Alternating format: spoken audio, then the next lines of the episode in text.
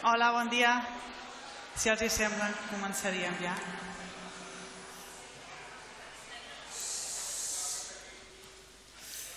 Bon dia, veïns i veïnes de Ripollet, bon dia, càrrecs electes, bon dia als companys de l'Ajuntament que estan aquí i també a les forces i als cossos de seguretat que avui també ens acompanyen. L'objecte d'aquesta sessió és procedir a la constitució del nou Ajuntament de Ripollet a la vista dels resultats que es van produir el passat dia 28 de maig, data de celebració de les votacions per a la renovació de la totalitat dels membres de les corporacions locals. Com saben, l'article 195 de la Llei Orgànica del Règim Electoral General disposa que les corporacions municipals es constitueixen en sessió pública el 20è dia posterior a la celebració de les eleccions, llevat que s'hagués interposat un recurs contenciós electoral contra les proclamacions dels regidors i regidores, en aquest supòsit seria el 40, el 40è dia posterior a les eleccions. En virtut de l'acte de proclamació expedida el dia 5 de juny de 2023 pel president de la Junta Electoral de Zona de Sabadell, els resultats de les eleccions locals pel municipi de Ripollet han estat els següents. Nombre d'electors, 27.760. Nombre de votants, 14.663. Nombre de vots a candidats, 14.322. Nombre de vots vàlids, 14.532. Nombre de vots nuls, 131. I nombre de vots en blanc, 210. Els vots obtinguts per les diferents candidatures han estat els següents. Partit dels Socialistes de Catalunya, candidatura de Progrés, 5.590 vots amb 10 regidors. Ara decidim Ripollet, 3.651 vots amb 6 regidors. Vox, 1.379 vots amb 2 regidors. Esquerra Republicana de Catalunya, acord municipal, 1.256 vots amb 2 regidors. Partido Popular, Partit Popular, 955 vots, un regidor. Plataforma Ripollet Limpio i Digno, 634 vots amb cap regidor. Junts per Ripollet Compromís Municipal, 450 vots amb cap regidor. Valents, 375 vots, cap regidor. I Renaixença Nacional Catalana, 32 vots, cap regidor. En virtut d'aquest resultat, la Junta Electoral de Zona ha expedit les credencials als senyors i senyores següents per tal que actuïn com a membres electes. Partit dels Socialistes de Catalunya, candidatura de Progrés, senyor Luis Tirado García, senyora Eva Herrera Caja, senyor Manuel Martínez Fernández, senyora Sònia Martín Morales, senyora Melody López Rodríguez, senyor Òscar López Hidalgo, senyora Bàrbara González Díaz, senyor Manuel Parra Ramírez, senyora Montse Arraez Carrión i senyor Diego Puig Anaya. Per la candidatura Ara decidim Ripollet, senyora Meritxell Caler Vergara, senyora Andrea Guijarro García, senyor Pablo López Fernández, senyora Núria Chávez Izquierdo, senyor Ale, Aleix Monzó Illan i senyora Sílvia Soler García. Per Vox, senyor Argiris Hortas Gozalvo, senyor Manuel Agudo Ríos. D'Esquerra Republicana de Catalunya, acord municipal, senyor Roger Baió Padró, senyora Lourdes Serra Sunyer i de, pel Partit Popular, eh, Partit Popular, senyor Víctor Dieguez García. El procediment de constitució del nou Ajuntament, de conformitat amb el que disposa la legislació electoral vigent, implica que realitzin un seguit d'operacions que són les següents. En primer lloc, constitució de la mesa d'edat formada per regidors o regidores electes de major i menor edat presents en aquest acte. En segon lloc, acreditació de regidors i regidores electes davant la mesa d'edat mitjançant la presentació de la credencial expedida per la Junta Electoral de Zona i el document nacional d'identitat. Cal dir, però, que tots els regidors i regidores han presentat les seves credencials davant meu, de la secretària de l'Ajuntament, en temps i forma i han formulat les declaracions de béns i activitats preceptives amb anterioritat a l'inici d'aquesta sessió. Aquestes circumstàncies han estat verificades per regidors que formen part de la mesa d'edat immediatament abans que comencés aquesta sessió. En tercer lloc, jurament o promesa del càrrec mitjançant la fórmula legalment prevista d'acatament a la Constitució i, en darrer lloc, elecció de l'alcalde o alcaldessa de la vila. En aquest acte també es troba a disposició de tots els regidors i regidores electes la documentació exigida per l'article 36 del Reglament d'Organització i Funcionament dels ens locals i de l'article 6 del Reglament Orgànic Municipal de l'Ajuntament de Ripollet, que, això, que són l'acte d'arqueig, els justificants d'existències en metàl·lic o valors de l'Ajuntament dipositats en la Caixa Municipal i entitats bancàries, així com la documentació relativa a l'inventari del patrimoni municipal.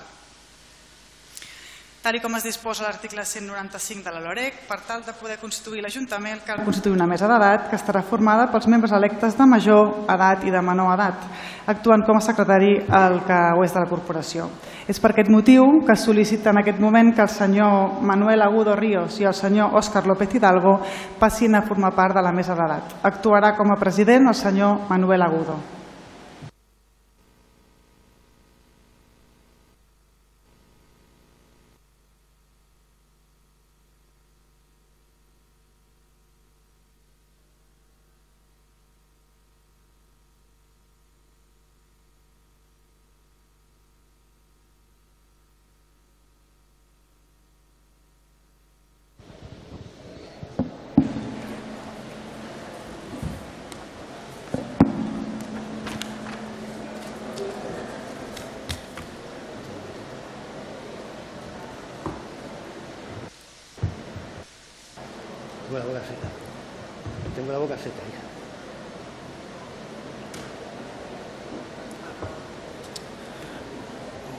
Buenos días.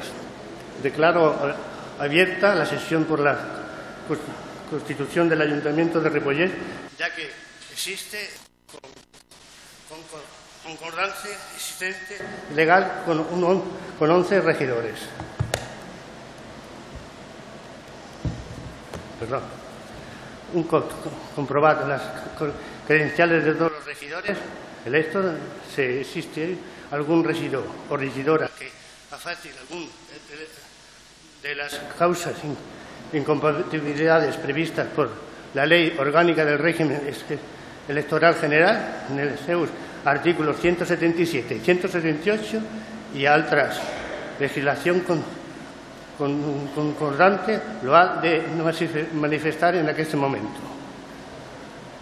Seguidamente no, no havent cap regidor ni regidora afectat per causa incompatibilitat, prendrà posició con arreglo al nombre de la mesa, tot jurat i prometeu el carrer vist de forma legal prevista.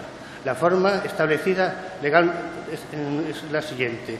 Jureu o prometeu por la vostra con silencio y honor cum- cumplir fielmente las obligaciones del, del carrer regidor, del cargo de, de regidor del Ayuntamiento de Ripollet, al lealtad al rey y repetir y respetar la Constitución y el, est- el Estatuto Autonómico de Cataluña.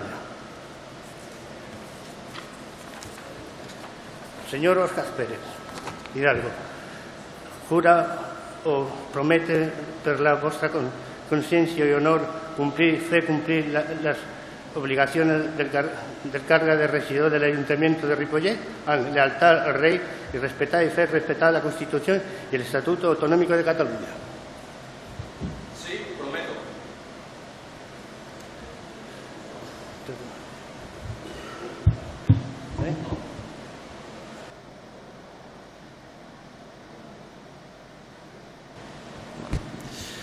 Senyor Manuel Agudo Ríos, jureu o prometeu per la vostra consciència i honor complir fidelment les obligacions del càrrec de regidor de l'Ajuntament de Ripollet en lleialtat al rei i respectar i fer respectar la Constitució i l'Estatut d'Autonomia de Catalunya? Sí. Ara passem als següents. Senyora Montse Arraiz Carrión, jureu o prometeu per la vostra consciència i honor complir fidelment les obligacions del càrrec de regidor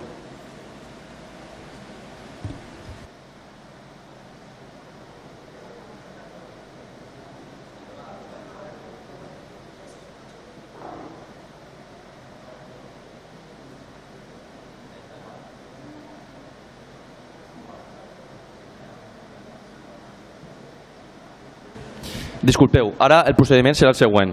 Jo nombraré a les persones que han de lliurar o, prome o prometre el càrrec, aniran al seu corresponent lloc i lliuraran o prometran el seu càrrec eh, amb el micro obert del seu lloc. Vale? Disculpeu. Senyora Montse Arraez Carrión, pot anar al seu lloc?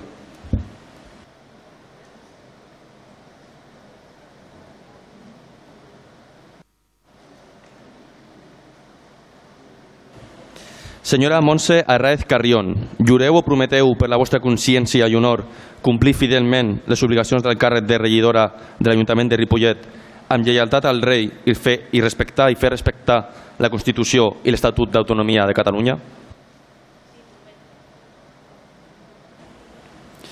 Passem al següent. Senyor Roger Balló Padró, pot anar al seu lloc.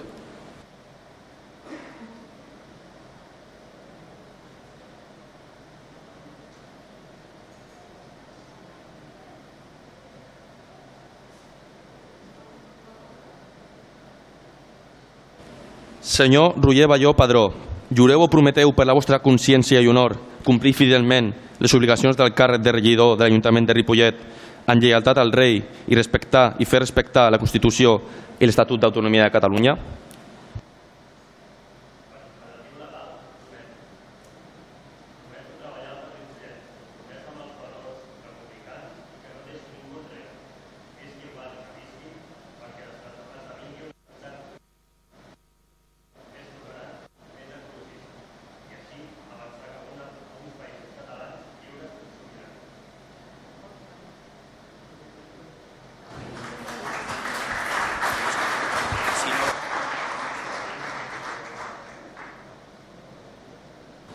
Senyora Meritxell Caler Vergara, pot adreçar-se al seu lloc. Eh, recordem, eh, pel que em comenten, que és millor que obriu el micro, així ja queda millor constància, vale? i també s'escolta més, més fort. Gràcies.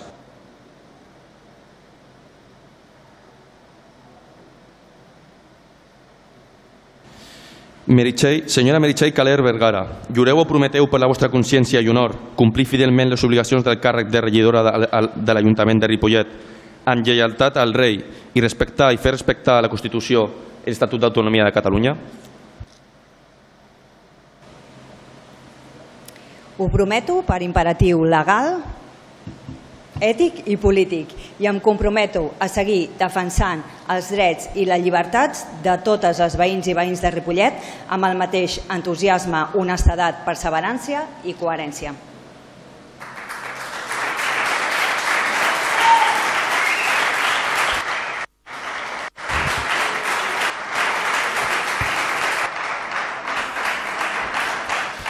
Senyora Núria Chávez Izquierdo, pot adreçar-se al seu lloc.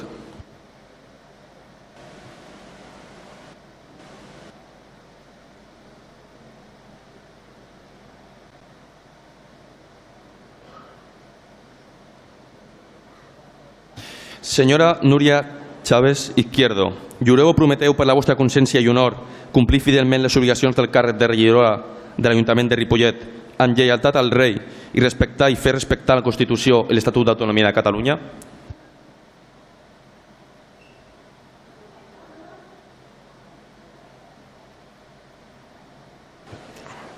Ho prometo per imperatiu legal, ètic i polític i em comprometo a seguir defensant els drets i les llibertats de totes les veïnes i veïns de Ripollet amb el mateix entusiasme, honestedat, perseverança i coherència.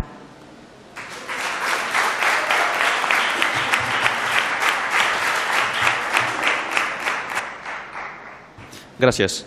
Senyor Víctor Dieguez García, pot anar al.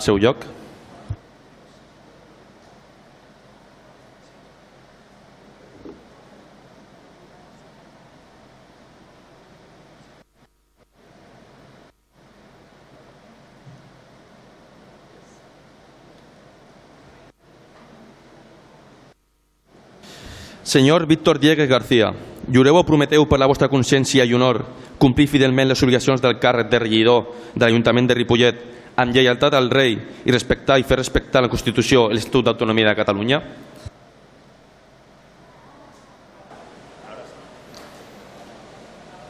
Sí, juro. Senyora Bàrbara González Díaz, és la següent. Eh, aprofito també per dir que el micro eh, s'obre al tercer botó que hi ha en el micro. Vale. Clar, totes les persones que entrem és, no ho saben ben bé. Senyora Bàrbara González Díaz, jureu o prometeu per la vostra consciència i honor complir fidelment les obligacions del càrrec de regidora de l'Ajuntament de Ripollet en lleialtat al rei i respectar i fer respectar la Constitució i l'Estatut d'Autonomia de Catalunya? Sí, prometo.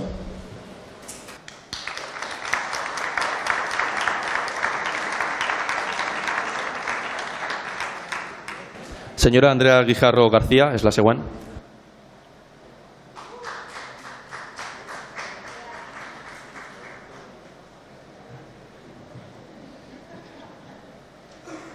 Senyora Andrea Guijarro García, jureu o prometeu per la vostra consciència i honor complir fidelment les obligacions del càrrec de regidora de l'Ajuntament de Ripollet amb lleialtat al rei i respectar i fer respectar la Constitució i l'Estatut d'Autonomia de Catalunya?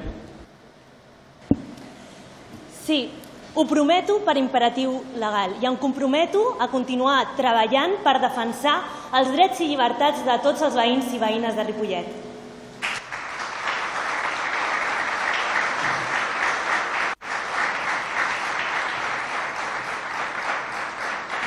Senyora Eva Herrera Caja, és la següent.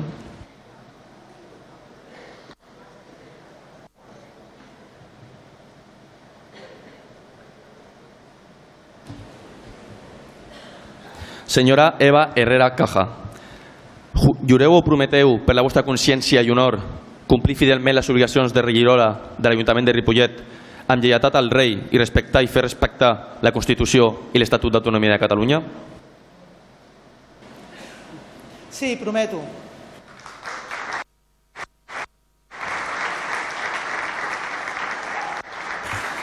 Senyor Arguiris Hortas Gozalvo és el següent.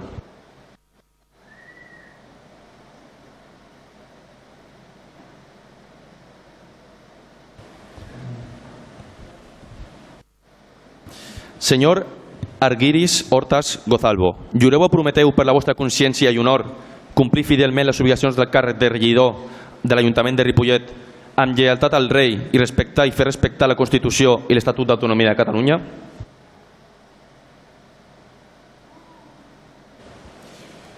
Sí, lo juro.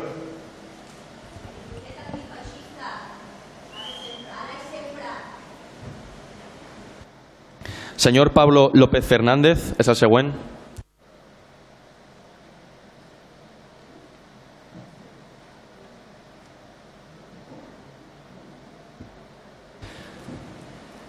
Senyor Pablo López Fernández, jureu o prometeu per la vostra consciència i honor complir fidelment les obligacions del càrrec de regidor de l'Ajuntament de Ripollet amb lleialtat al rei i respectar i fer respectar la Constitució i l'Estatut d'Autonomia de Catalunya? Sí, yo prometo respetar y hacer respetar la Constitución, esta, y si es reformada, pues también, y si vienen otras constituciones, pues en plan poliamor a tope. Eh, juro lealtad al rey, juro, lea- juro más lealtad al rey que la que se tienen ellos mismos.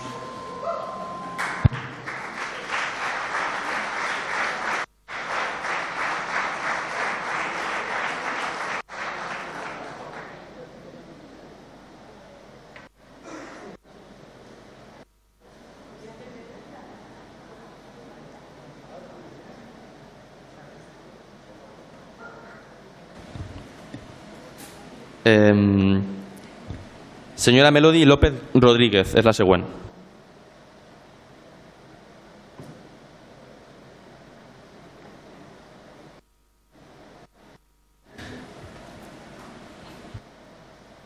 Senyora Melody López Rodríguez, jureu o prometeu per la vostra consciència i honor complir fidelment les obligacions de regidora de l'Ajuntament de Ripollet i amb lleialtat al rei i respectar i fer respectar la Constitució i l'Estatut d'Autonomia de Catalunya?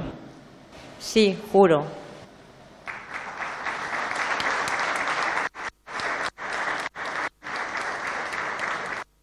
Senyora Sònia Martín Morales és la següent.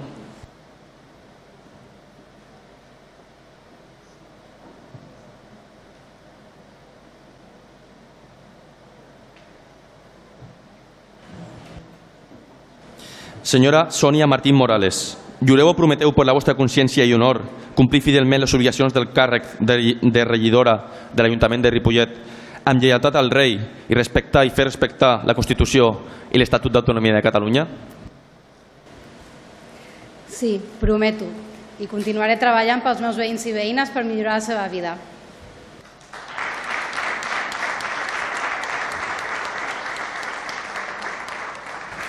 Senyor Manuel Martínez Fernández és el següent.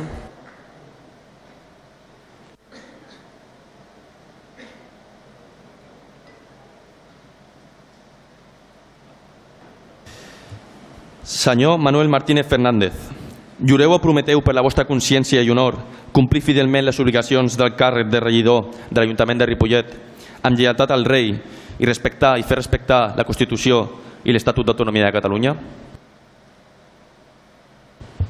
Sí, prometo.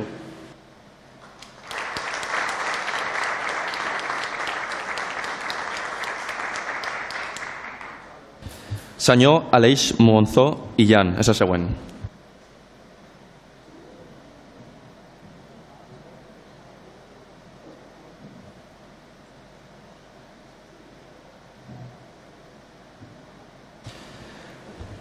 Senyor Aleix Monzó i Jan, jureu o prometeu per la vostra consciència i honor complir fidelment les obligacions del càrrec de regidor de l'Ajuntament de Ripollet amb lleialtat al rei i respectar i fer respectar la Constitució i l'Estatut d'Autonomia de Catalunya? Ho prometo per imperatiu legal, sotmès únicament a la voluntat dels veïns i veïnes de Ripollet, practicant el suport mutu com a millor garantia de l'existència i el progrés físic, intel·lectual i moral. Em comprometo per treballar pel benestar, la igualtat i la justícia social, pel poble que ens ha escollit, únic dipositari de la sobirania.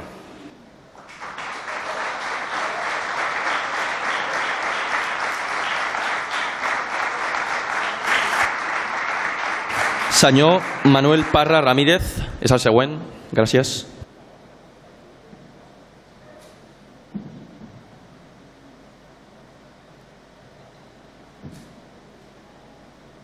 Senyor Manuel Parra Ramírez, jureu o prometeu per la vostra consciència i honor complir fidelment les obligacions del càrrec de regidor de l'Ajuntament de Ripollet amb lleialtat al rei i, i respectar i fer respectar la Constitució i l'Estatut d'Autonomia de Catalunya? Sí, prometo.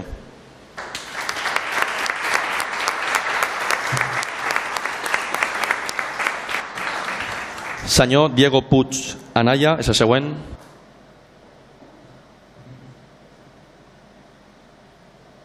Senyor Diego Puig Anaya, jureu o prometeu per la vostra consciència i honor complir fidelment les obligacions del càrrec de regidor de l'Ajuntament de Ripollet amb lleialtat al rei i respectar i fer respectar la Constitució i l'Estatut d'Autonomia de Catalunya? Sí, prometo.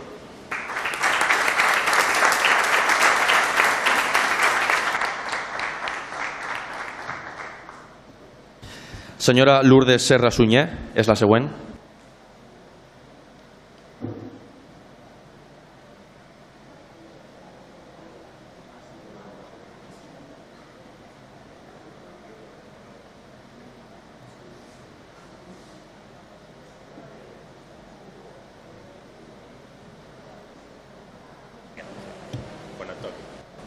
Senyora Lourdes Serra Sunyer, jureu o prometeu per la vostra consciència i honor complir fidelment les obligacions del càrrec de regidora de l'Ajuntament de Ripollet amb lleialtat al rei i respectar i fer respectar la Constitució i l'Estatut d'Autonomia de Catalunya? Per imperatiu legal, prometo.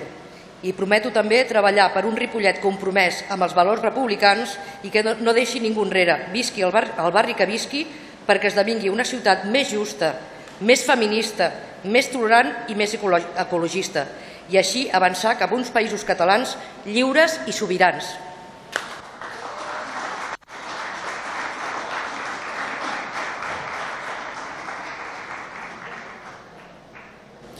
Senyora Sílvia Soler Garcia, és la següent.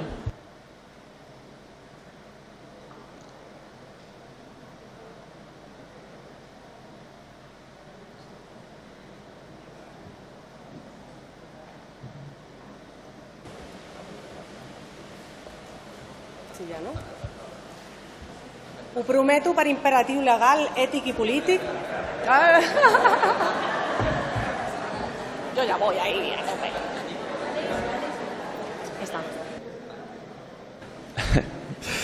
Senyora Sílvia Soler Garcia, jureu o prometeu per la vostra consciència i honor complir fidelment les obligacions del càrrec de, de regidora de l'Ajuntament de Ripollet amb lleialtat al rei i respectar i fer respectar la Constitució i l'Estatut d'Autonomia de Catalunya? Ara sí. Ho prometo per imperatiu legal, ètic i polític i em comprometo a seguir defensant els drets i les llibertats de totes les veïnes i veïns de Ripollet amb el mateix entusiasme, honestedat, perseverança i coherència.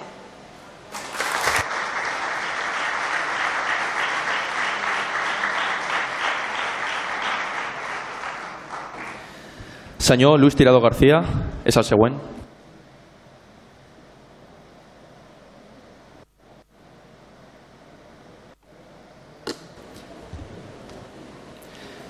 Senyor Luis Tirado García, jureu o prometeu per la vostra consciència i honor complir fidelment les obligacions del càrrec de regidor de l'Ajuntament de Ripollet amb lleialtat al rei i respectar i fer respectar la Constitució i l'Estatut d'Autonomia de Catalunya? Sí, prometo.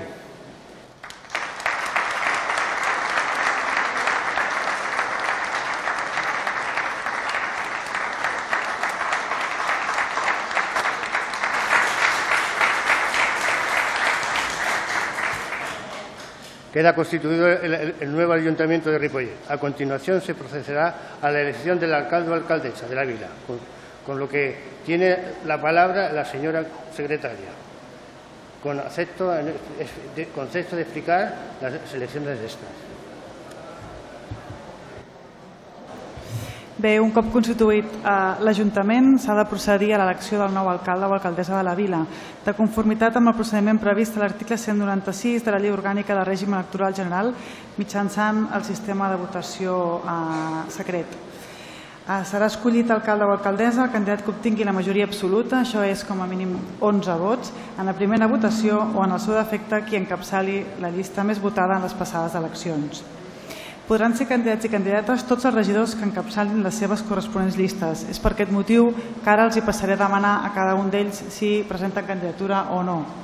Eh, Té la paraula el cap de llista del Partit dels Socialistes de Catalunya, senyor Luis Tirado. Presenta candidatura? Sí, la presentem. Eh, Té la paraula la cap de llista d'Ara Decidim Ripollet, senyora Meritxell Caler. Sí, la presentem. Doncs. Té la paraula el cap de llista de Vox, senyor Argiris Hortes. Sí, la presentamos. Té la paraula el senyor cap de llista d'Esquerra Republicana de Catalunya, senyor Roger Baió. No, no la presentem.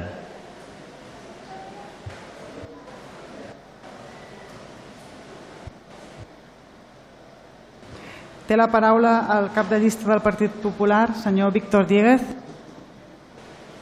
Sí, sí la presentamos.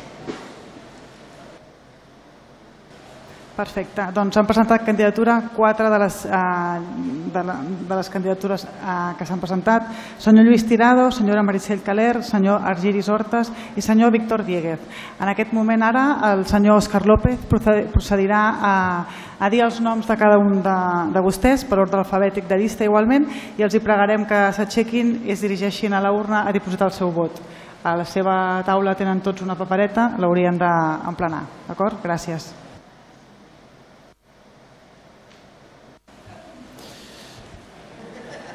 Senyor Manuel Agudo Ríos, pot.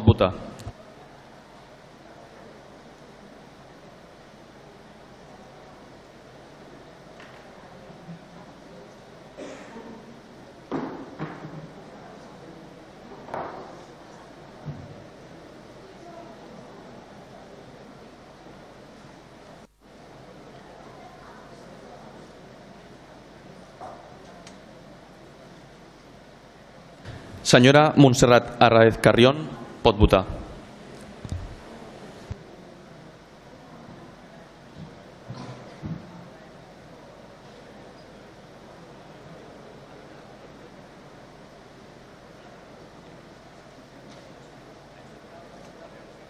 Senyor Roger Balló Padró, pot votar.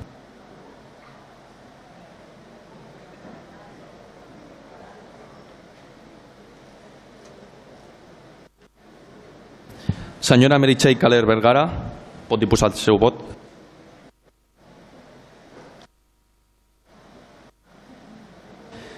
Senyora Núria Chávez, pot votar.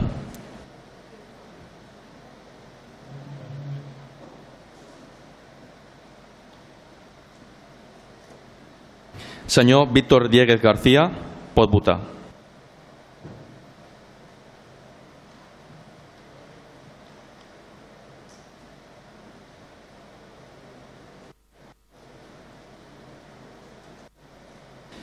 Senyora Bàrbara González, pot diposar el seu vot.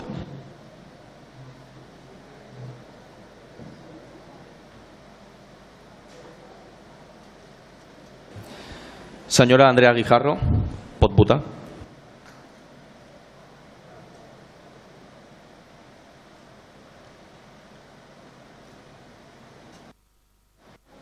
Senyora Eva Herrera, pot votar.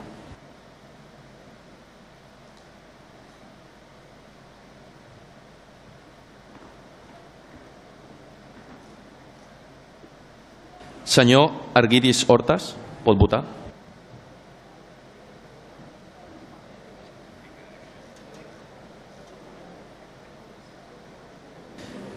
Pablo López Fernández, pot votar.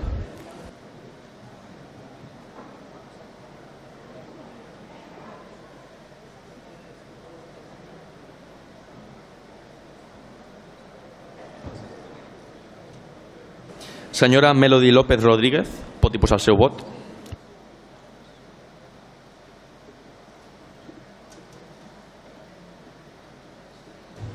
Senyora Sònia Martín, pot votar.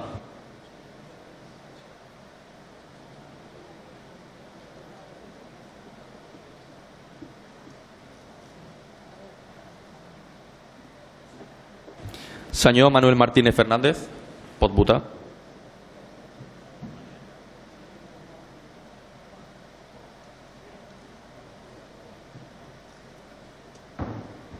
Senyor Aleix Monzo, pot votar.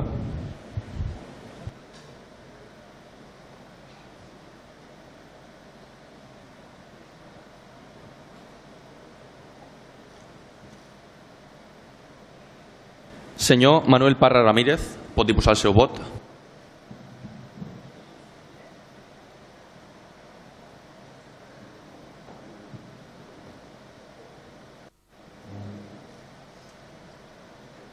Senyor Diego Puig Anaya, pot votar.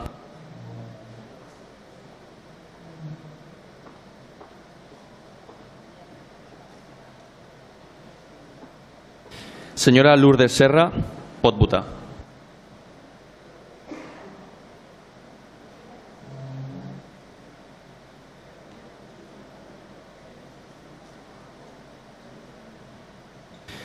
Senyora Sílvia Soler, pot votar.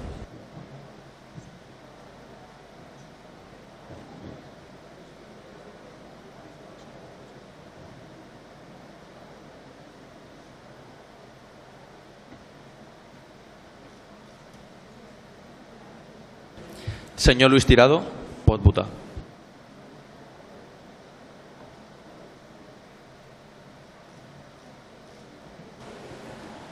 Señor Oscar López puede votar.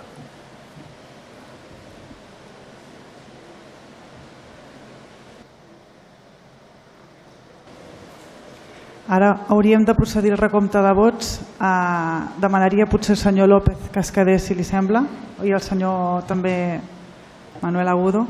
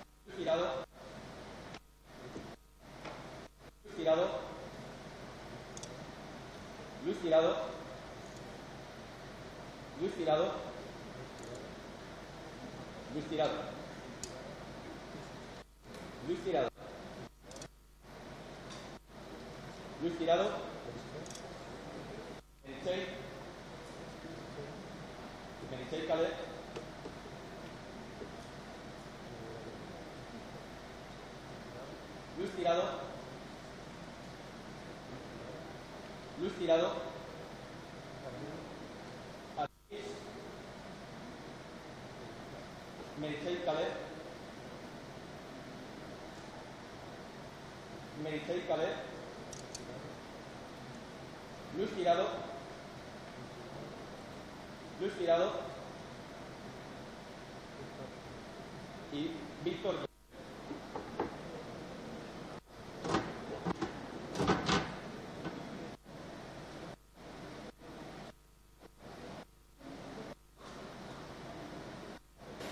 D'acord, en atenció al resultat de les votacions, eh, senyor Víctor Dieguez, un vot, senyor Argiris a Hortes, dos vots, senyora Meritxell Caler, sis vots, senyor Luis Tirado, 12 vots, assolint la majoria absoluta. Per tant, el nou alcalde de l'Ajuntament de Ripollet és el senyor Luis Tirado.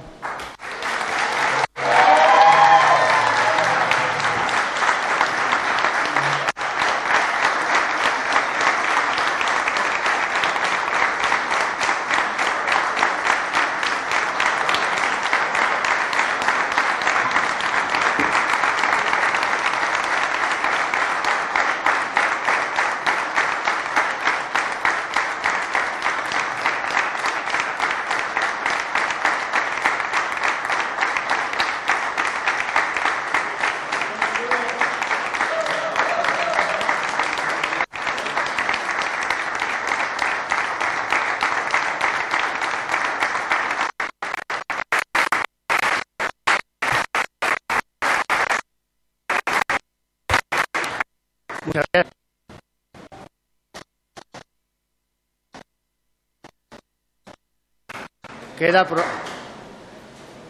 queda aprobado el, al- al alcalde del Ayuntamiento de Ripollet, el, el regidor señor Luis Tira- Tirado, gracias a la candidatura del Partido Socialista de Cataluña. ¿Acepta usted el cargo de alcalde de Ripollet? Sí, lo acepto. Ay, perdón.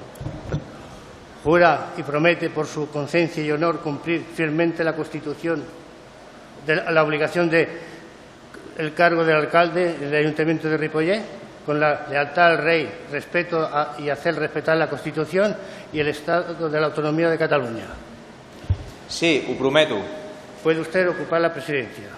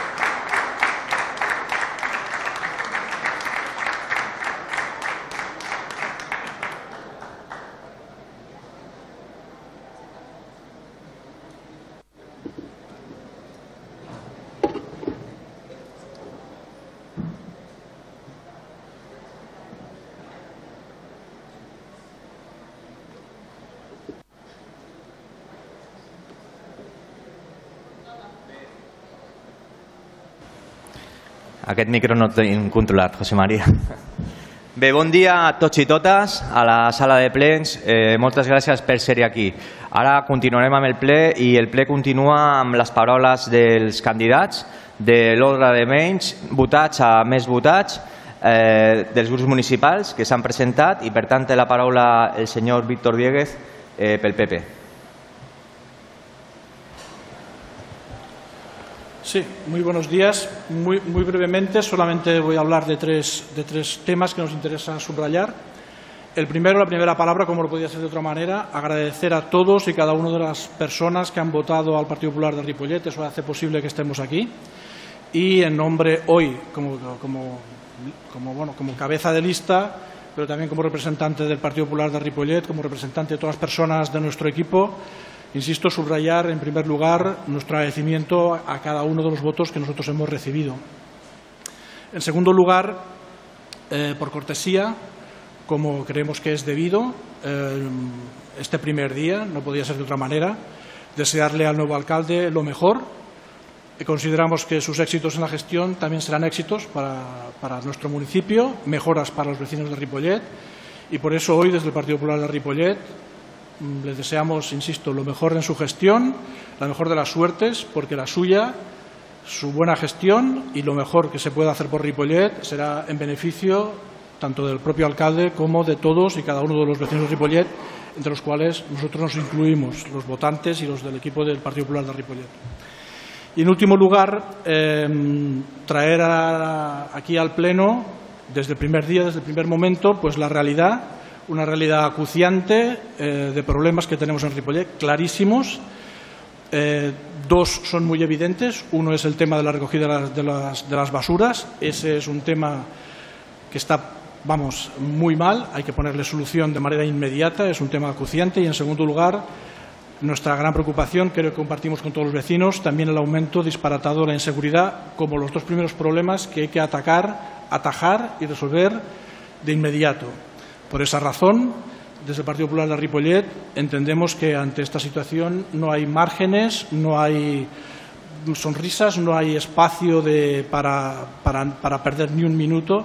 Y por esa razón, desde, desde este mismo momento, hoy no, evidentemente, pero desde ya nosotros vamos a hacer oposición, eh, insisto, ante la grave situación que tenemos en muchos problemas y esperamos que de la misma manera eh, el alcalde y el equipo que él nombre se pongan manos a la obra también, sin márgenes y sin esperas, de forma inmediata. Y esto es lo que nosotros tenemos que decir en este primer día de este primer curso político.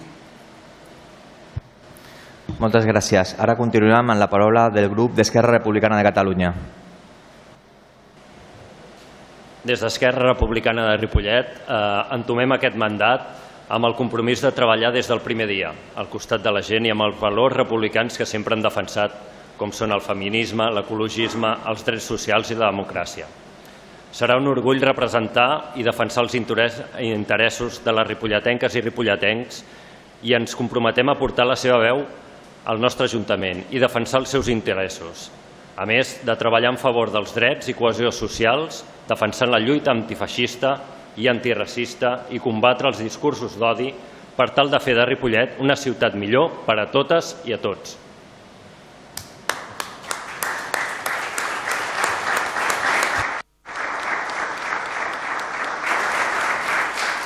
Moltes gràcies, Roger. Ara passaríem al grup de Vox. Teniu la paraula. Bueno, buenos días. Desde Vox eh, queremos dar las gracias a todos los vecinos que con sus votos el 28M nos han permitido estar hoy aquí. Eh, los votos que nos han otorgado van a ser la voz de aquellos que llevan años silenciados. Eh, nuestra actuación en el ayuntamiento va a representar valentía y constancia para convertir en realidad las reivindicaciones vecinales. Desde este ayuntamiento, Vox quiere enviar un mensaje a todos los vecinos de Ripollet, tanto a los que nos han votado como a los que no, que vamos a estar aquí para representaros. No vamos a caer en el sectarismo de aquellos que llevan muchos años preocupándose solo de quien les vota, sino que nosotros desde hoy mismo estamos a vuestra disposición para escucharos y junto a vosotros revertir la situación de nuestro municipio. Nuestra tarea en este ayuntamiento comienza con la más noble de las intenciones, que es el servir a los vecinos y servirnos nosotros eh, y no el servirnos a nosotros mismos. El servicio constante, comprometido y tenaz va a ser la piedra angular de nuestro proyecto en el municipio de Ripollet, igual que es allí donde Vox va a estar presente. El consenso de la izquierda y el separatismo ha convertido Ripollet en una ciudad insegura, sucia y debido al incremento de la delincuencia eh, está siendo una zona muy intranquila en la cual estamos viviendo todos con delincuentes, eh, los negocios no pueden prosperar y estamos desprotegidos ante la ocupación ilegal y la delincuencia creciente.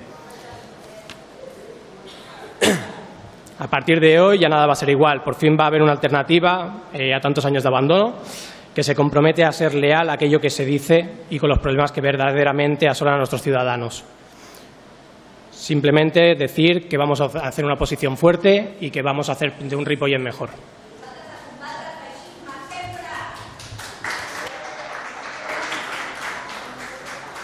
Continuem i ara tindria la paraula el grup de Decidim Ripollet. Moltes gràcies. Bon dia a totes les que ens acompanyeu. Abans de res vull felicitar el PSC per la consecució de la seva de l'alcaldia, Esquerra Republicana i Esquerra Republicana i PP pels resultats en les passades eleccions. Aquest és el discurs que no m'imaginava que hauria de fer i sincerament no ha estat fàcil d'escriure perquè és un discurs d'oposició quan sincerament ens creiem que revalidàvem l'alcaldia. Aquesta creença no estava fonamentada en l'arrogància o supèrbia d'aquell que es creu per ser millor que la resta, sinó perquè continuem pensant que tenim el millor projecte de ciutat.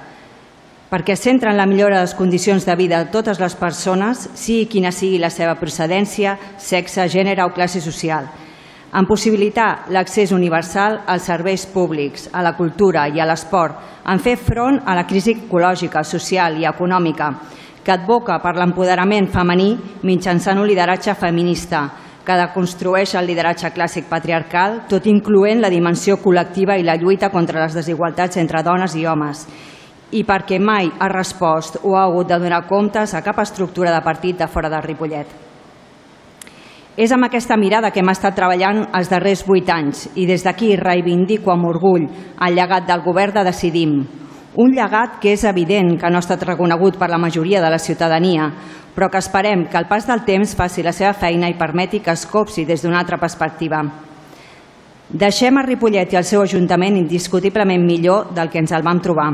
Hem donat resposta a demandes i lluites col·lectives i en són exemple els, els dos instituts escola, la municipalització de les escoles bressol i la residència. Hem dignificat el servei de drets socials, prioritzant polítiques que tenen cura de les persones i dels seus drets, dret a l'educació, dret a l'ocupació digna, dret a la participació, dret a estar i a sentir-nos segures des d'una perspectiva interseccional, dret a un habitatge digne, dret a l'empadronament, dret a una vida saludable, dret a estimar com i a qui vulguis. Hem dignificat els barris de Pombell i Diana, hem netejat la llera del riu, adquirit dos espais emblemàtics per ús del barri, com la Cala Cristina i el celler cooperatiu, i una nau, una nau per fer un espai verd tan necessari en el barri per millorar la qualitat de vida de les persones que hi viuen. I hem fet i iniciat arranjaments de voreres, canvis de lluminàries, arbrat, hem posat focus com feia anys que no es feia. Hem prioritzat polítiques per fer front a la crisi climàtica i les seves conseqüències, la neteja de la llera del riu per millorar la qualitat de vida i per preparar-nos davant crescudes inesperades derivades del canvi climàtic.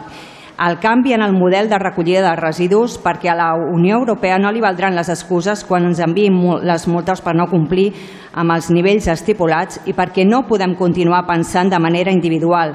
Ni el planeta ni les nostres filles s'ho mereixen. Hem invertit en millores a tots els equipaments municipals i n'hem projectat de nous. Alguns veuran la llum en properes setmanes i mesos. La primera fase del poliesportiu, la Casa de les Dones, el Parc Primer de Maig, el Viver d'Empreses Espai d'Innovació i la residència. I no la, la residència predecidim, sinó la residència pensada per i amb la gent, amb un procés participatiu, que ja està, a més a més, en fase de licitació com són les obres del carrer Pau Casals, el carrer Nou, Cala Cristina, la biblioteca, el tercer pavelló, els voltants del riu, el pla de transició energètica. Hem modernitzat i digitalitzat l'Ajuntament, cosa que va permetre no estar aturats durant la pandèmia, tot esperant la presencialitat. Hem invertit recursos econòmics i humans per dignificar i millorar el servei d'ocupació, per treballar mm, per, per millorar la competitivitat de les nostres empreses i hem posat energies i recursos en posar en valor el nostre comerç local, la restauració i l'associacionisme, a qui sempre hem acompanyat i recolzat tant a nivell econòmic com de visibilització i hem creat un ecosistema d'economia social i solidària. Hem activat la cultura i l'esport, escoltant, acompanyant, posant més recursos que mai en subvencions. Hem tret la cultura al carrer i ja ningú no s'imagina una festa major com l'hem concebut i treballat nosaltres. Hem creat una empresa municipal el que ha possibilitat la municipalització de serveis com el de les escoles bressols o la neteja dels equipaments municipals, dignificant així la feina de les seves treballadores. Hem trencat el típic argument que es tirava contra les esquerres transformadores perquè hem gestionat de manera rigorosa i transparent i hem creat estructures per tal de regular espais participatius com els consells, les comissions i les taules des d'on hem treballat amb entitats i persones per tirar endavant iniciatives conjuntes. I sí, hem gestionat una pandèmia, Entenc que vulguem passar pàgina d'aquella crisi, però la nostra ciutat durant aquell període va funcionar gràcies a totes les xarxes de suport mutu que es van organitzar, això no es pot oblidar tampoc, i a la gestió que nosaltres vam fer durant la pandèmia passant de 0 a 1.000 perquè les treballadores poguessin treballar, teletreballar i d'aquesta manera no deixar de donar servei a les veïnes i veïns, gestionant recursos perquè ningú es quedés sense aliments, sense medicacions dels hospitals, trucar a les persones de més de 70 anys per saber com estaven i detectar necessitats, treball conjunt amb les direccions dels CAPs per fer seguiment de les infeccions i dispositius especials per casals d'estiu i les escoles, repartir material escolar, senyalitzar els espais de seguretat, organitzar campaments de PCRs massives i de vacunació, tot això, les companyes de govern i les treballadores de l'Ajuntament no oblidarem mai, perquè va ser una experiència viscuda col·lectivament. Espero que les veïnes i veïns també ho recordin algun dia.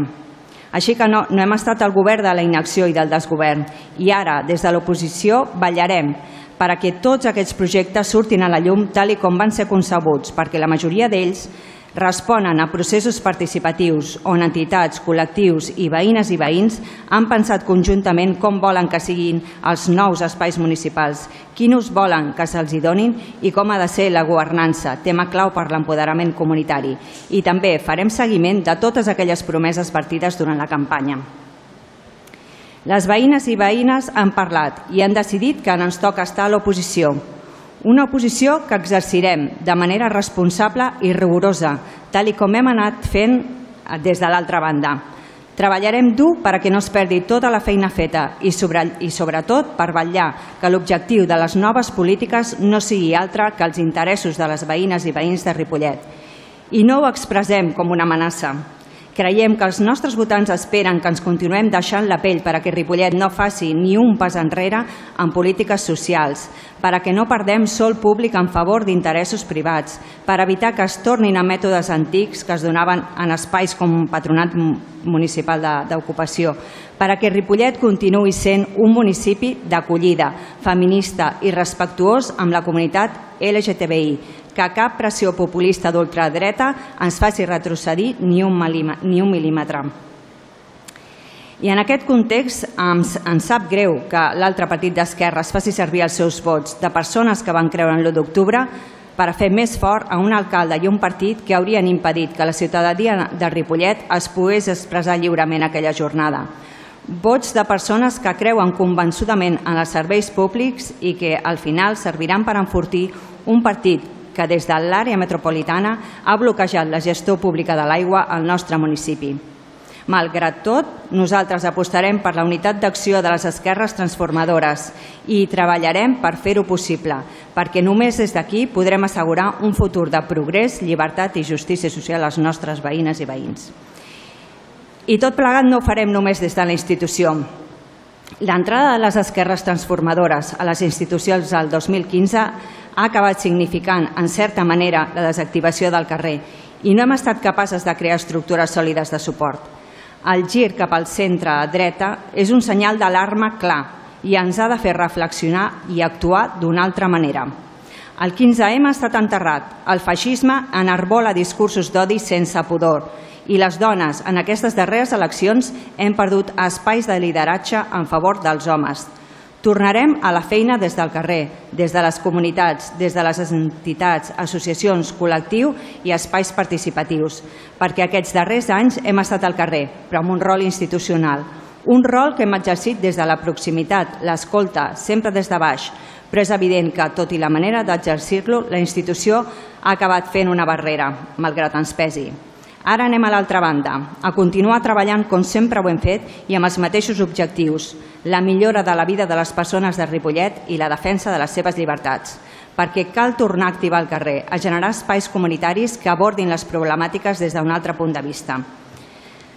S'ha acabat el temps de les lamentacions, la ràbia, les llàgrimes i els comiats. L'amor, escalf i confiança rebudes aquestes darreres setmanes ens han ajudat a tornar a alçar-nos, a mirar amb orgull allò que hem construït i a preparar-nos col·lectivament per afrontar aquesta nova etapa en l'oposició. Una feina que exercirem, com he dit, de manera rigorosa, responsable i constructiva sempre, perquè ser combatives no vol dir no ser propositives. L'exercirem alegrement alçades i vivim aquesta nova etapa com una oportunitat per retrobar-nos amb tota aquesta feina activista que portem totes en el nostre ADN i tan orgulloses ens fa sentir. Perquè, com diverses companyes han repetit, han repetit aquests dies, som les mateixes que quan vam començar, som les que defensem les llibertats i els principis de justícia social i des d'aquesta defensa ens trobareu sempre i som la que ens movem per l'estima que sentim per la ciutat on vivim, Ripollet. Visca Ripollet!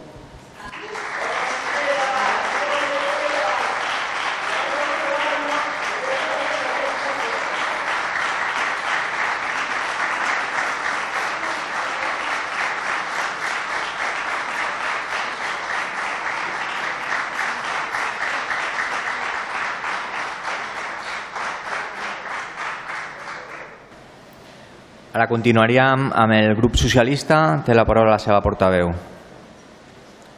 Moltes gràcies, alcalde. Bon dia, companyes i companys del nou plenari que avui acabem de constituir. Una salutació ben especial a totes les persones que avui ompliu aquesta sala de plens i també les que ens segueixen des de la planta baixa d'aquest edifici o a través de Ripollet Ràdio o del canal de YouTube Ripollet TV. Moltes gràcies per estar aquí, en el que és un dels plens més importants de cada mandat, la constitució del nou Ajuntament i l'elecció del nou alcalde. I moltes gràcies també especialment als 5.690 ripolletens i ripolletenques que a les eleccions municipals del passat 28 de maig van depositar la seva confiança en el nostre grup, el PSC de Ripollet. 5.690 persones que es van voler sumar al canvi que us proposàvem per aquests propers quatre anys, el canvi que el nostre municipi necessita. Les persones que ens dediquem a la política local tenim un compromís amb la nostra ciutat, un compromís amb els nostres veïns i veïnes que ens obliga a reflexionar per buscar solucions a les necessitats que ens plantegin, a millorar les seves, les seves vides i en les mans de totes nosaltres està prendre les millors decisions possibles i treballar per fer possible que aquesta millora sigui una realitat. Per això, cal reivindicar la política municipal com la possibilitat que se'ns ofereix de transformar la nostra ciutat a través de les propostes que el PSC de Ripollet us va presentar i que ens ha de permetre governar la nostra ciutat. Ens presentem davant de vosaltres essent conscients de la responsabilitat que tenim per davant i d'aquest contracte que ens vincula amb els nostres veïns i veïnes. I fem front a aquest nou temps il·lusionats davant els nous reptes i coneixent el gran potencial que té Ripollet. El nostre projecte polític contempla com a prioritat a les persones, el foment de les polítiques socials, el manteniment i servei dels espais públics en les millors condicions possibles per afavorir l'accés a totes les persones, sense cap exclusió. Volem que Ripollet sigui una ciutat en la qual totes les persones tinguin les mateixes oportunitats, on es fomenti el desenvolupament econòmic sostenible i es garanteixi la millor qualitat de vida per a totes les nostres veïns i veïnes. I continuarem treballant, promovent la participació de la ciutadania en les nostres polítiques, escoltant les vostres preocupacions com ja ho hem anat fent aquests últims quatre anys i treballant junts per trobar solucions efectives. Ser regidora de Ripollet és el càrrec més gratificant al qual es pot optar, perquè amb ell podrem comprovar l'eficàcia transformadora de les nostres decisions. Alhora, però, implica molta exigència, perquè estem sota, sempre sota la permanent i rigorosa vigilància de tots vosaltres, i així és com ha de ser. Per això, veïns, veïnes, acompanyeu-nos en aquest camí que tot just ara comencem i que ens portarà a aconseguir el millor futur possible per a la nostra ciutat, per a totes les persones que vivim i treballem a Ripollet, un futur on Ripollet ens transformi en la ciutat que totes mereixem. Gràcies de nou per la vostra confiança.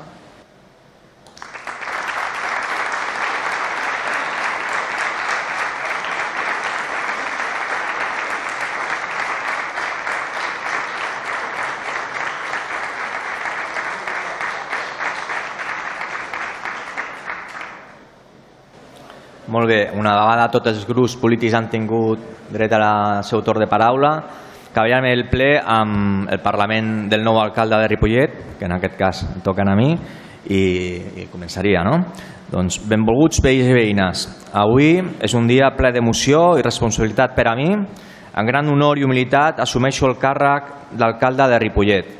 En representació del Partit dels Socialistes de Catalunya vull expressar el meu agraïment profund a tots aquells que han confiat en mi i en el nostre equip per liderar el municipi cap a un futur millor. També vull fer un agraïment especial a totes les persones que avui us heu agrupat aquí a l'Ajuntament de Ripollet per acompanyar-nos en aquest dia tan especial, a tots els representants de les entitats que avui sou aquí i a tots els veïns i veïnes que ens estan seguint des del carrer i des de casa seva a través dels mitjans de comunicació i molt especialment a la meva família, al meu pare, a la meva germana i sobretot a la meva dona i les meves filles. que sempre m'han recolzat en aquesta nova aventura a la meva vida que tot just avui començo.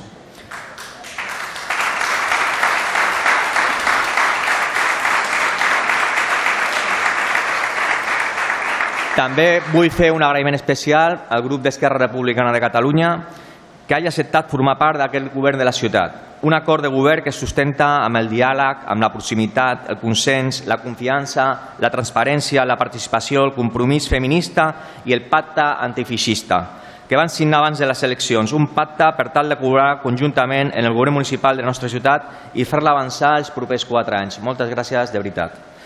Vull reconèixer i elogiar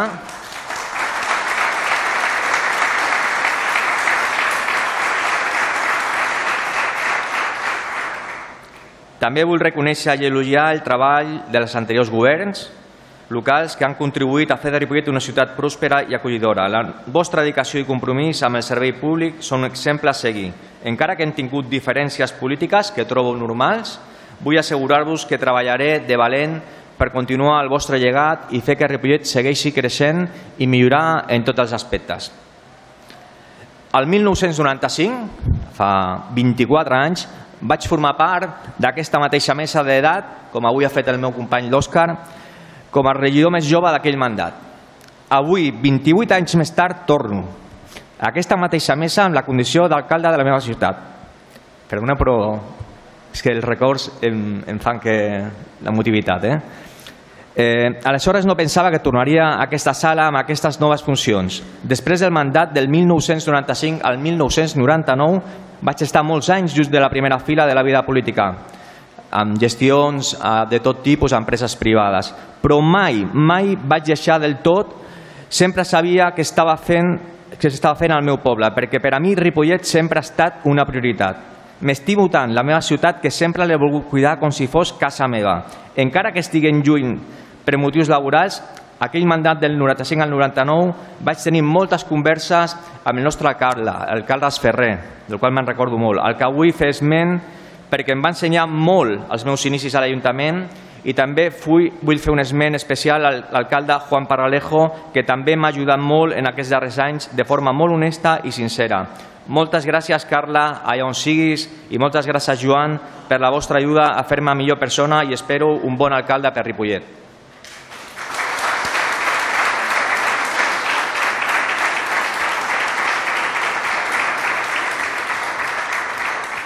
El nostre objectiu principal és treballar per al benestar de tots, els ripolletens i ripolletenques. Volem crear un municipi on ningú quedi enrere, on tothom tingui oportunitats iguals de prosperar i gaudir d'una qualitat de vida òptima i on tornem a recuperar l'orgull de ser de Ripollet. Per aconseguir això, treballarem en diverses àrees claus. En primer lloc, Volem potenciar l'economia local, que serà una de les nostres prioritats. Establirem polítiques que afavoreixin la creació de noves oportunitats laborals, així com el suport als negocis existents, que, per, perquè puguin créixer i prosperar. Volem treballar conjuntament amb el teixit empresarial per tal de generar més riquesa i més feina per a tothom, però especialment per baixar l'atur juvenil i l'atur femení. En aquest sentit, posarem en marxa el viver d'empreses en aquest mateix mandat. Impulsarem la promoció dels nostres recursos culturals amb el fort teixit associatiu del nostre municipi. Volem generar activitat econòmica en l'àmbit cultural i fomentar el desenvolupament sostenible. Per fer-ho possible, volem adquirir, és un compromís que vam fer a les eleccions, una nau de creació artística que ens ajudi a generar noves oportunitats en l'àmbit cultural. La cultura serà una prioritat en aquest mandat i reforçarem aquesta àrea. I estic segur que treballarem colze a colze en totes les entitats a les quals volem potenciar, avui presents, i ajudar en les gestions més burocràtiques, perquè es puguin dedicar al veritablement important, que és fer activitats al carrer, que tots i totes puguem gaudir. En segon lloc, ens centrarem en l'educació i la formació dels nostres joves. Creiem fermament que l'educació és la clau per a un futur prometedor Treballarem estretament amb els centres educatius i altres agents implicats per millorar la qualitat de l'ensenyament i garantir que tots els infants i joves de Ripollet tinguin accés a una educació de qualitat. Totes les escoles de Ripollet tindran en el nostre equip un govern proper que prioritzarà tenir les millors escoles possibles, millor mantingudes i amb més recursos. Tenim l'objectiu de potenciar els serveis socials i la inclusió de tots els col·lectius de la nostra ciutat. Volem construir una comunitat cohesionada on tothom se senti partícip i tingui accés als recursos i suports adequats. Impulsarem polítiques que promoguin la igualtat de gènere, la diversitat i la integració social. Ripollet continuarà sent un referent en les polítiques LGTBI i farem de la Casa de la Dona un referent en polítiques feministes. La igualtat serà una de les prioritats del meu govern. A Ripollet tenim 2.700 persones, 2.700 persones amb un certificat de discapacitat. A tots i totes elles us vull dir que en tindreu al vostre costat. Farem complir la llei d'accessibilitat als comerços del 2013 per tal que tots els negocis estiguin adaptats. Tots els parcs de Ripollet tindran gronxadors accessibles per tots els infants i joves amb discapacitat, tots sense excepció. Als nostres majors us dic que el casal d'avi serà un referent per tenir una bellesa activa i que farem un menjador social perquè tothom pugui tenir almenys un àpat de qualitat al dia. Us haig de dir que el nostre govern s'ha fixat com una prioritat aconseguir més recursos econòmics per fer que la residència i el centre de dia siguin una realitat el més aviat possible. Pels joves de Ripollet, tenim clar que hem de fer activitats lúdiques, però també que hem d'ajudar-los en el seu dia a dia en donar suport emocional, que ho han posat molt malament durant la pandèmia, en ajudar-los a trobar una feina, una llar i, en definitiva, a que tinguin una vida sana i feliç. També ens tindreu al vostre costat. La vivenda a Ripollet és un problema important. Tenim una ciutat amb una gran densitat de població i amb preus elevats per la falta d'oferta. Nosaltres, com a administració local, i amb els pocs recursos dels que disposem, el que farem és construir 80 vivendes socials als terrenys de Pinetons i continuarem en la compra de vivendes privades per tal de poder donar cobertura a les grans necessitats socials que tenim actualment. Com tothom sap, l'esport ha estat i serà la meva gran passió.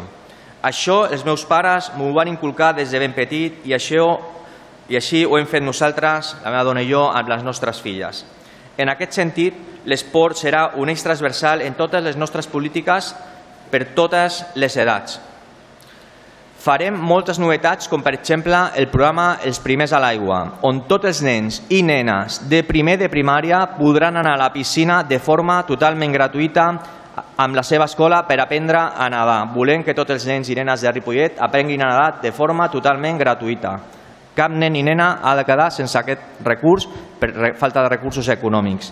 També continuarem amb l'escola per també continuarem amb les inversions ja previstes per acabar el poliesportiu i farem un gran pavelló, un gran pavelló al barri de Pinetons per tal d'ajudar a totes les nostres entitats esportives en el seu dia a dia, en els entrenaments i en les competicions.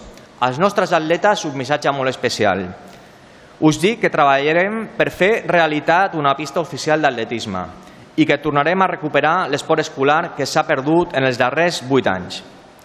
Hi ha un tema que tots els veïns i veïnes em pregunteu cada dia pel carrer eh, de forma diària. I per nosaltres us dic que és una prioritat i ja hi estem treballant amb els serveis tècnics. I és que tornarem a posar els contenidors de recollida selectiva que, que ens permeti el contracte no ens podem permetre trencar el contracte del porta a porta. Doncs no podem pagar 100 milions d'euros a l'empresa, però el que sí que ja estem fent és treballar, com us he dit, amb els serveis tècnics i jurídics de l'Ajuntament per tal de buscar solucions el més aviat possible a la situació de la recollida d'escombràries de la nostra ciutat. El nostre compromís el mantenim i tornarem a posar els contenidors de la recollida d'escombraires dels nostres veïns i veïnes. I per la recollida de selectiva de comerços, restauració i el mercat i vivendes unifamiliars, els ajudarem a continuar amb el sistema actual del porta a porta, però millorant tota la informació i donant tot el suport que calgui. Una altra àrea molt important és la millora de l'espai públic. En aquest sentit, farem un pla plurianual d'inversions per asfaltar carrer i millorar les voreres dels nostres barris. El centre de Ripollet s'ha de millorar molt, i per fer-ho farem una reforma de la plaça del Molí i del pàrquing per tal de fer un espai molt més agradable per les persones. La neteja de la via pública ha de millorar i als incívics se'ls haurà de sancionar. No podem tolerar els incívics i que es continuïn brutant els carrers com els tenim. Per fer-ho, implantarem una acció que ja s'està funcionant a altres ajuntaments propers al nostre, com és la implantació dels tests ADN per la defecacions de gossos, que sabeu que ja ho estem mirant i aviat tindreu notícies per part del nostre govern en aquest sentit per millorar les neteges dels nostres carrers.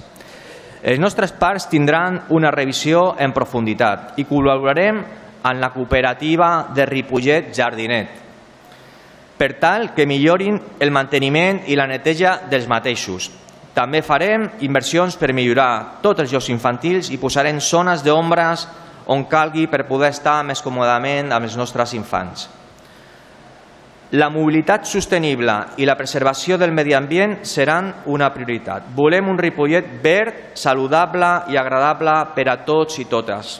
Per això treballarem per tenir el riu Ripoll net i per fer el més aviat possible la ronda nord de Ripollet, conjuntament a Montcada de Reixat gràcies a que ara governarem també a Montcada amb el company Bartolomé Gea. La mobilitat interna de Ripollet serà una prioritat i amb aquesta ronda nord la millorarem.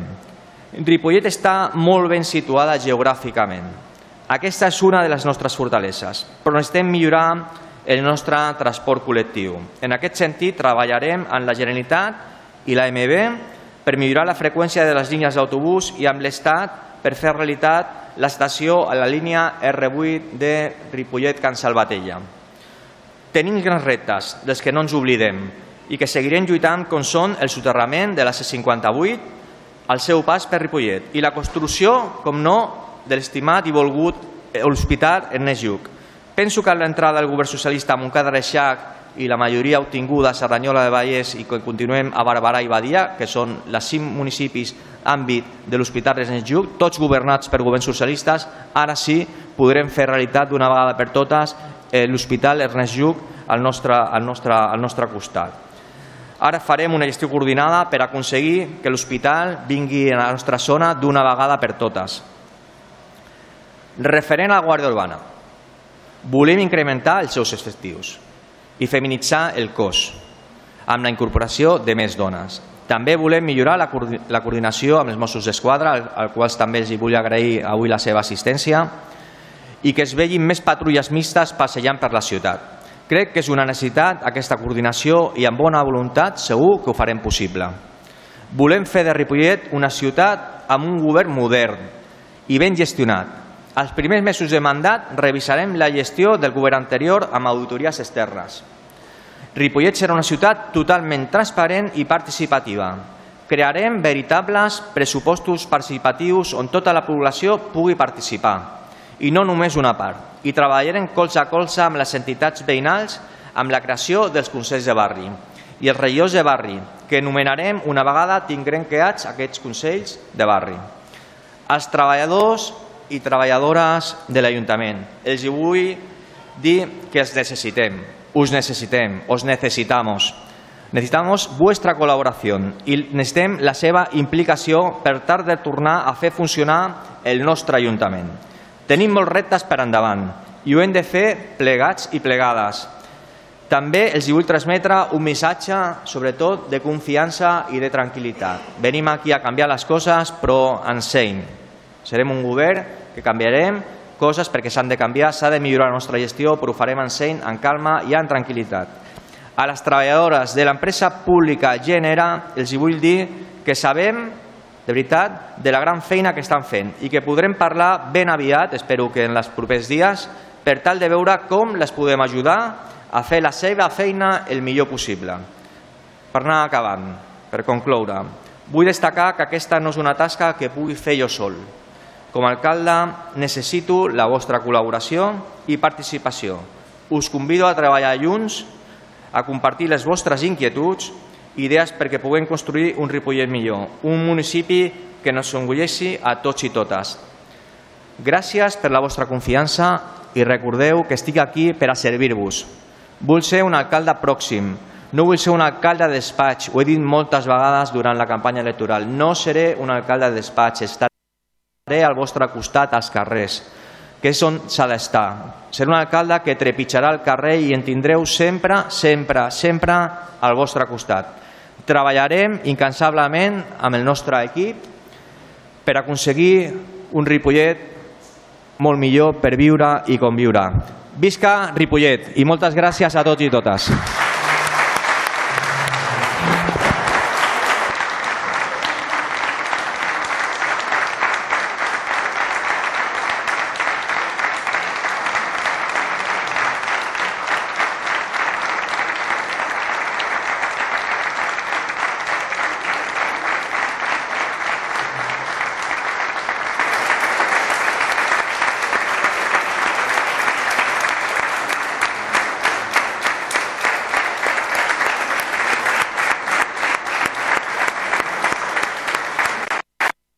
Sí, donem aquest primer ple del mandat, el durem per finalitzar. Moltes gràcies per haver assistit aquí i, i ens anem veient pels carrers de Ripollet. Moltes gràcies.